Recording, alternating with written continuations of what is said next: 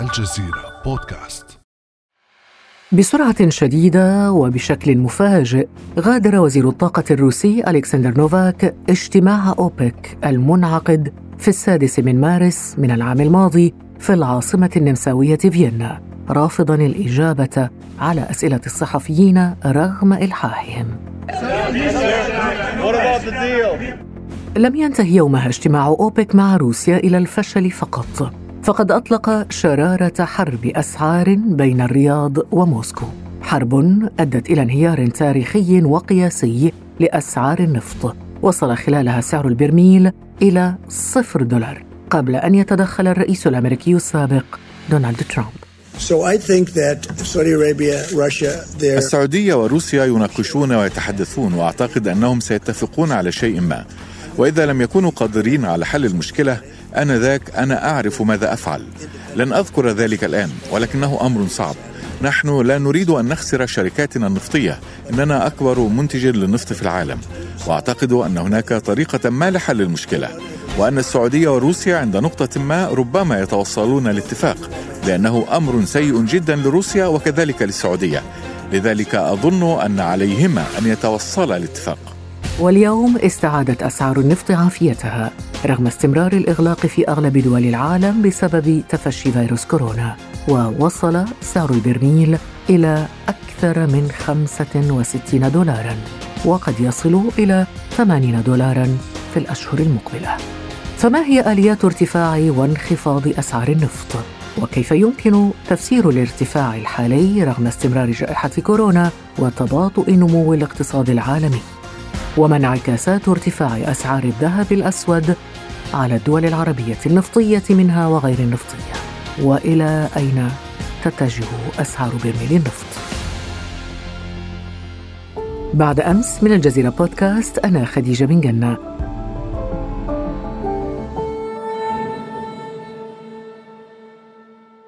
ويسعدني أن أرحب اليوم بالزميل حاتم غندير الباحث في شؤون الطاقة ورئيس القسم الاقتصادي بشبكة الجزيرة. صباح الخير حاتم. صباح الخير خديجة. نسعد بك في البودكاست مرة أخرى. والله السعادة لنا خديجة أن نلتقي معك مرة ثانية. تسلم. حاتم خلينا في البداية نشرح بشكل مبسط. آليات ارتفاع وانخفاض أسعار النفط في الأسواق العالمية. نعم. كما تعلمين خديجة أنه النفط هو سلعة مثل أي أي سلعة أخرى تخضع لقوانين السوق لكن النفط هو سلعة استراتيجية. خلينا نقول هو أهم سلعة استراتيجية في العالم حاليا. لا يمكن أن يتحرك الاقتصاد لا يمكن أن يتحرك النقل لا يمكن أن تتحرك الزراعة وبدون الطاقة بدون النفط وبالتالي هي سلعة استراتيجية أساسية. كل سلعة يتحدد سعرها بناء على العرض والطلب. يعني كل ما كان العرض كبير طبعا السعر يقل. وكل ما كان الطلب كبير أيضا السعر يرتفع. فهذه أهم أداتين في العرض والطلب. هذا اذا بالنسبة للعوامل الفنية حاتم. ماذا عن العوامل السياسية والجيوسياسية أيضا؟ نعم بطبيعة الحال يعني النفط كما قلنا هو مادة استراتيجية حساسة يعني شهدت حروب يعني من أجل النفط. وبالتالي عندما تكون منطقة ما منتجة للنفط تشهد حروب تتوقف الإمدادات. عندما تتوقف الإمدادات سيصبح هنالك شح من هذه الموارد في السوق وبالتالي سترتفع الأسعار بشكل جنوني مثل ما لاحظنا في 73 ومثل ما لاحظنا في 79 بعد الثورة الإيرانية. فهذه عوامل تحرك السوق بشكل كبير جدا. وهي عوامل خ... يعني خارجة. أعلى سقف وصل إليه السعر سعر البترول كان كم؟ أعلى سقف وصل إليه حوالي 145 147 دولار كان في أظن 2008 نعم. فهذه عوامل هي خارجة عن إرادة المنتجين والمستهلكين. مثلا عامل آخر مثلا الأمراض والأوبئة. كورونا عندما جاءت آه يعني خلينا نقول دمرت الطلب العالمي لأنه توقفت النشاط الاقتصادي بشكل شبه كامل يعني في في مرحلة من مراحل. السفر توقف أيضا بشبه شبه كامل وبالتالي ليس هنالك حاجة لمزيد من الطاقة. وأدنى سعر إذا وصل إليه سعر البترول في خلال جائحة كورونا. خلال جائحة كورونا بالنسبة لخام برانت وصل بين حوالي 16 إلى 19 دولار يعني في مرحلة في نقطة معينة لكن خام تكساس لاحظنا خديجة أنه نزل إلى minus ناقص 40 دولار يعني لأول مرة في التاريخ نشهد سعر بالسالب. يعني وهذه قصة أخرى لأنه هذه من الأشياء اللي تتحكم في السعر أيضا هي المضاربات خديجة. خديجة العالم يستهلك في الحالات العادية حوالي 100 مليون برميل يوميا. لكن في وول ستريت وفي بورصة لندن يتم استهلاك على الورق حوالي مليار برميل يوميا. يعني ألف مرة ضعف الطلب الحقيقي على النفط. نعم. نعود إلى العوامل والأسباب السياسية والجيوستراتيجية التي تتحكم في أسعار النفط.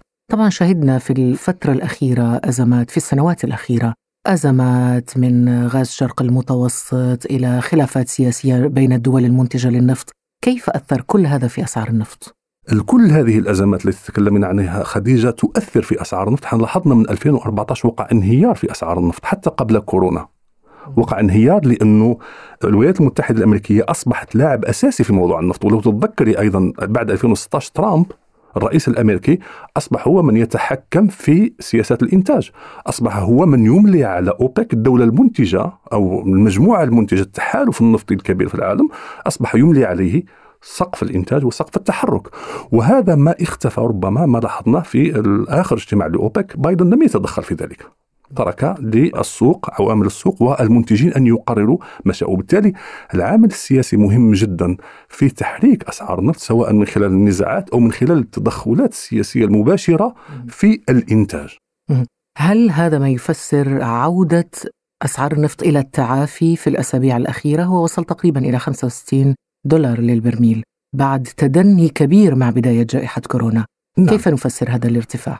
ببساطة ممكن نفسر هذا الارتفاع لعدة أسباب واحد منها هو العامل السياسي أنه الولايات المتحدة الأمريكية هذه المرة لم تتدخل بشكل مباشر العامل الآخر أنه مع بدايات إحنا يعني أخذ الجرعات من لقاح كوفيد يعني أصبح هنالك نوع من التفاؤل بأنه سنعود إلى الانتعاش الاقتصادي من جديد أنه الأسعار سترتفع من الجديد وبالتالي أصبح هنالك نوع من الطلب أيضا على أسعار النفط. ولا ننسى أيضا أنه في شهر فبراير كانت هنالك موجة برد وعواصف في ولاية تكساس حيث أوقفت 40% من الإنتاج الأمريكي.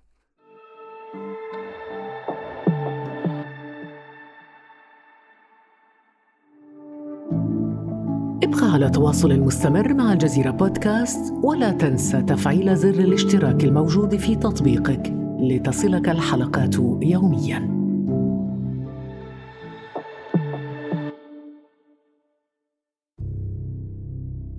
اللافت حاتم أنه مع مواصلة أسعار النفط رحلة الصعود التي تحدثت عنها الآن، الصعود نحو الأعلى والتعافي عاد التفاؤل مرة أخرى إلى بعض الدول العربية بينما زاد منسوب التشاؤم في دول عربية أخرى.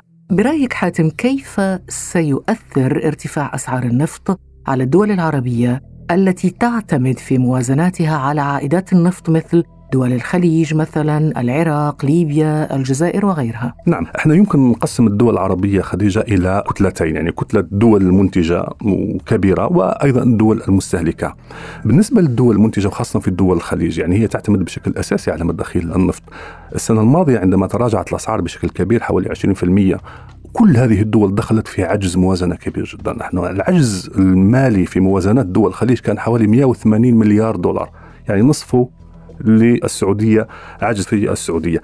تحسن الأسعار سيسد إلى حد ما هذه الفجوة. دول الخليج خديجة تحتاج إلى أسعار بين 60 إلى 80 دولار حتى تستطيع أن تصل إلى التوازن في الموازنة لأنه هنالك إنفاق كبير جدا في هذه الدول. الدول الأخرى باقي أغلب الدول العربية للأسف خديجة. إنه إحنا نعرف بإنه دخولها ضعيفة وبعض الدول تعاني حروب ونزاعات وصراعات. الثلاث دول العربية خديجة هي من أكثر الدول يعني في مستوى الجوع. نتكلم على سوريا نتكلم على اليمن نتكلم على السودان. ولكنها ليست دول منتجة للنفط. نعم هي ليست دول منتجة للنفط لكن هي دول عربية تعاني سياسات. المواطن العربي خديجة عندما ألزمته حكوماته بأن يلتزم بيته بسبب كورونا. كما فعلت أغلب دول العالم. لا يوجد هنالك تأمين اجتماعي لهؤلاء. لا يوجد هنالك دعم للحكومات من هؤلاء لهؤلاء الناس المتضررين. الجزائر على سبيل المثال 7 مليون شخص يعمل عند القطاع الخاص. يعني الكثير منهم فقد مصدر دخله. يعني نتكلم تقريبا سنة إلى الآن. لكن بالمقابل أين هي الحكومات؟ لدعم هذا المواطن. يعني خلال هذه المرحلة مثل ما لاحظنا في أوروبا لاحظنا حتى في آسيا وفي أمريكا أين تم تحديد ميزانيات ضخمة من أجل مساعدة الطبقات الهشة؟ يعني لتجاوز هذه المرحلة المؤلمة والصعبة في نفس الوقت. ذكرت السودان وسوريا واليمن ودول أخرى غير منتجة للنفط. هل تعتقد أن هذا الارتفاع في أسعار النفط سيزيد من متاعبها الاقتصادية والاجتماعية؟ بطبيعة الحال بطبيعة الحال خلينا نقول هم لم يستفيدوا كثيرا عندما نزلت أسعار النفط لأنه كان يفترض عندما تنزل أسعار النفط أن ينعكس ذلك على خلينا نقول على الأسعار الطاقة لديهم يعني كمستخدم نهائي للطاقة للوقود مثلا. فالحكومات لا تخفض الأسعار يعني بشكل مناسب للانخفاض الذي وقع في الأسواق العالمية، لكن عندما ترتفع الأسعار طبعا الحكومات تلجأ بسرعة إلى زيادة الأسعار يعني بمبرر أن هنالك ارتفاع في الأسواق العالمية وهذا وجود عدم تكافؤ بين السياسات الحكومية العربية بشكل عام بين ما تجنيه من أموال وخلينا نقول إنه المواطن يصبح في نهاية المطاف هو عبارة عن رقم ما يهم بالنسبة لهذه الحكومات هي المؤشرات الكلية للاقتصاد على حساب الإنسان وعلى حساب دخل هذا الإنسان. مصر تدخل في هذه الخانة أيضا. بطبيعة الحال، يعني مصر شهدت أيضا تضخم رهيب جدا، لاحظنا ارتفاع كبير جدا في أسعار الغذاء أيضا موجودة في مصر، أسعار الطاقة التهبت بشكل غير طبيعي يعني أيضا في مصر. ماذا عن ليبيا والعراق والجزائر؟ بالنسبة للجزائر كما ذكرت لك يعني تأثر كان كبير. يعني في أغلب هذه الدول بصراحة يعني كل العالم تأثر من جائحة كورونا. أنه 12 تريليون دولار كانت خسائر العالم تقريبا من كورونا. طبعا تتوزعها الدول بشكل عام. في بعض دولنا الناس تسعى إلى التضامن الاجتماعي، ربما هذه الميزة اللي موجودة في المجتمعات العربية أن الناس تحمل بعضها بعض، العائلة تحمل بعضها والأسرة تحمل بعضها والأقارب يحملون بعض والجيران يحملون بعض. يعني على عكس الحكومات اللي تتخلى في كثير من الأحيان عن مسؤوليتها الاجتماعية إزاء هؤلاء. ليبيا الآن يعني في هذا التوافق السياسي اللي حصل في المرة الأخيرة قد ينعكس أيضا على السوق يعني ليبيا دولة منتجة للنفط دولة كبيرة في إنتاج النفط. توقف إنتاجها يعني بشكل كبير يعني خلال فترة النزاعات. الآن في إمكانية للعودة إلى السوق مرة ثانية. حتم انتعاش أسواق النفط وبدء حملات التلقيح في الكثير من دول العالم. كلها مؤشرات محفزة تدفعنا للتساؤل عن مستقبل أسعار النفط خلال الأشهر المقبلة. لو استشرفنا هذا المستقبل القريب إلى أين تتجه التوقعات برأيك؟ نعم. العامل الأساسي خديجة خلال الأشهر الماضية في سوق الطاقة هو فيروس كورونا.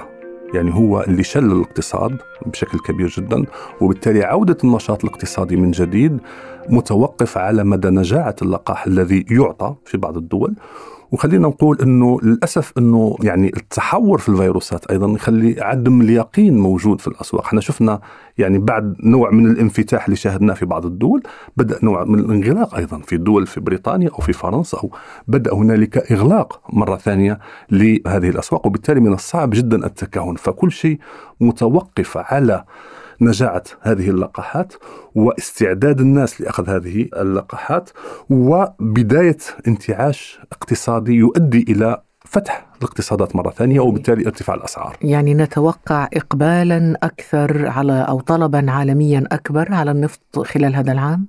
طبعا كل التوقعات يعني ومراكز الدراسات تشير إلى أن هنالك احتمال كبير جدا للتعافي، هنالك من يقول أنه سيكون بين 80 و100 دولار في أحسن السيناريوهات المتفائلة إذا أن الأمور تمت على ما يرام في موضوع اللقاحات والسيطرة على هذا الوباء فسترتفع الأسعار بشكل كبير لأنه العالم يعني خلال أكثر من سنة يعني كان شبه مشلول، كان شبه متوقف، سنحتاج الكثير إلى السفر، الناس بحاجة إلى السفر، الناس بحاجة إلى العمل، المصانع بحاجة إلى أن تحرك الآلات من جديد، الأسعار الآن هي مرتفعة وليست منخفضة، في هذه الظروف الحالية لكن لا ننسى خديجة أنه السوق ما زال يفتقد إلى حوالي 8 مليون برميل يوميا بسبب سياسة أوبك بلس التي سحبت هذا الفائض من السوق.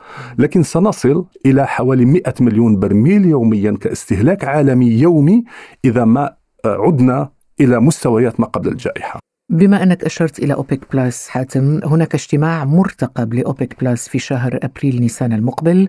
هل تعتقد أنه سيكون لهذا الاجتماع تأثير مباشر على اتجاهات أسعار النفط فيما تبقى من العام الجاري؟ طبعا من الصعب التكهن من الآن بما يمكن أن تخلص إليه اجتماعات أوبك بلس لأنه هذا متوقف على دراسة السوق في ذلك الوقت، إحنا نعرف خديجة أنه الاستهلاك النفط أيضا موسمي يعني، إحنا الآن خرجنا من موسم الشتاء والربيع والصيف وبالتالي يقل الطلب عالميا يقل الطلب على النفط. فهم سيدرسون إلى أي حد أن فاعلية هذه نجاعة اللقاحات؟ على الناس وبالتالي على الاقتصاد وينظرون بالمقابل كم من الكميات التي يمكن أن تضاف إلى السوق. لأنه كما قلت لك خديجة أنه السوق الآن يفتقر إلى 8 مليون برميل. الدول المنتجة الآن تتحمل هذا العبء في مقابل أن يكون هناك ارتفاع في الأسعار. لكن أوبك بلس قررت الإبقاء على التخفيضات السابقة دون تغيير مع منح روسيا وكازاخستان نعم. الزيادة ب 150 ألف برميل. صحيح هذا في آخر اجتماع. عندما قررت أوبك أن تضيف أوبك بلس أن تضيف 150 ألف برميل 130 تضيفهم لموسكو روسيا و20 ألف برميل لكازاخستان. وهي خلينا نقول هي إضافة طفيفة جدا لأنه كان متوقع أن يكون الزيادة تكون بحدود 500 ألف برميل كما كان مبرمجا سلفا. لكن واضح أن هنالك سياسة متحفظة داخل أوبك بلس على أن تبقي على سقف الإنتاج الموجود حاليا مع خسارة خلينا نقول حوالي 8 مليون برميل لأنه السعودية تحملت بشكل تطوعي أو طوعي خفض مليون برميل دون إلزام من أوبك بلس طيب هذا يطرح سؤال ربما فضولي وساذج. أوبك بلس فيها صقور وحمائم. يعني هل هناك صغار وكبار في تحديد السياسات المتعلقة بأسعار النفط داخل أوبك بلس؟ بطبيعة الحال خديجة لأنه إحنا نتكلم على أكبر منتجين أو ثاني أكبر منتج وثالث أكبر منتج في العالم باستثناء الولايات المتحدة الأمريكية. فتصبح عندنا روسيا هي أكبر منتج والسعودية ثاني أكبر منتج للنفط في العالم. هما من يحددا سياسة الإنتاج. طبعا كل دولة لديها سياستها الخاصة لكن في نهاية المطاف هما من يتفقا على السياسة النفطية. نعرف بأن أوبك بلس أيضا هو تحالف وجد لضرورة معينة يعني قبل لم يكن هنالك أوبك بلس وإنما كان هنالك تحالف أوبك هي مجموعة أوبك. ثم أضيف لها المجموعة من خارج أوبك منذ 2016 فأصبحت هذه الكتلة ما تسمى بأوبك بلس هي التي تحدد السياسة الطاقوية الموجوده في العالم. هذا تحالف بين كتلتين لا ندري إلى أي مدى يمكن أن يستمر. نحن شفناه على مدى خمس سنوات ونجح يعني في تجاوز الكثير من هذه الصعاب. طب حاتم بناء على خبرتك أنت في مجال الطاقة ومتابعتك لهذا خبرة خبره محدودة خديجة يعني ما شاء الله عليك. ما شاء الله عليك حاتم. هل سوق النفط العالمية الآن تتجه إلى الانفراج أم نتوقع ربما انتكاسة أخرى في المستقبل؟ في الظروف الحالية يعني أنا أميل لأغلب التحليلات التي ترى بأنه السوق مقبل على انفراجه. لأنه العالم لا يمكن أن يتحمل أيضا مزيد من الإغلاق لأكثر من هذه السنة. العالم اختبر فيروس كورونا عرف خطورة وقوة وتأثير هذا الفيروس على العالم كله صحيا واقتصاديا وبالتالي العمل الآن على تجاوز هذه المحنة محنة هذا الوباء وعودة الناس إلى أعمالهم، عودة الناس إلى اسفارهم، عودة المصانع والعمال إلى إنتاجهم، نحن ما نعيشه حاليا هو استثناء وليس قاعدة، وعندما يختفي هذا الاستثناء ستعود الحياة كما كانت ويعود النشاط الاقتصادي كما كان مستفيدا من هذه التجربة.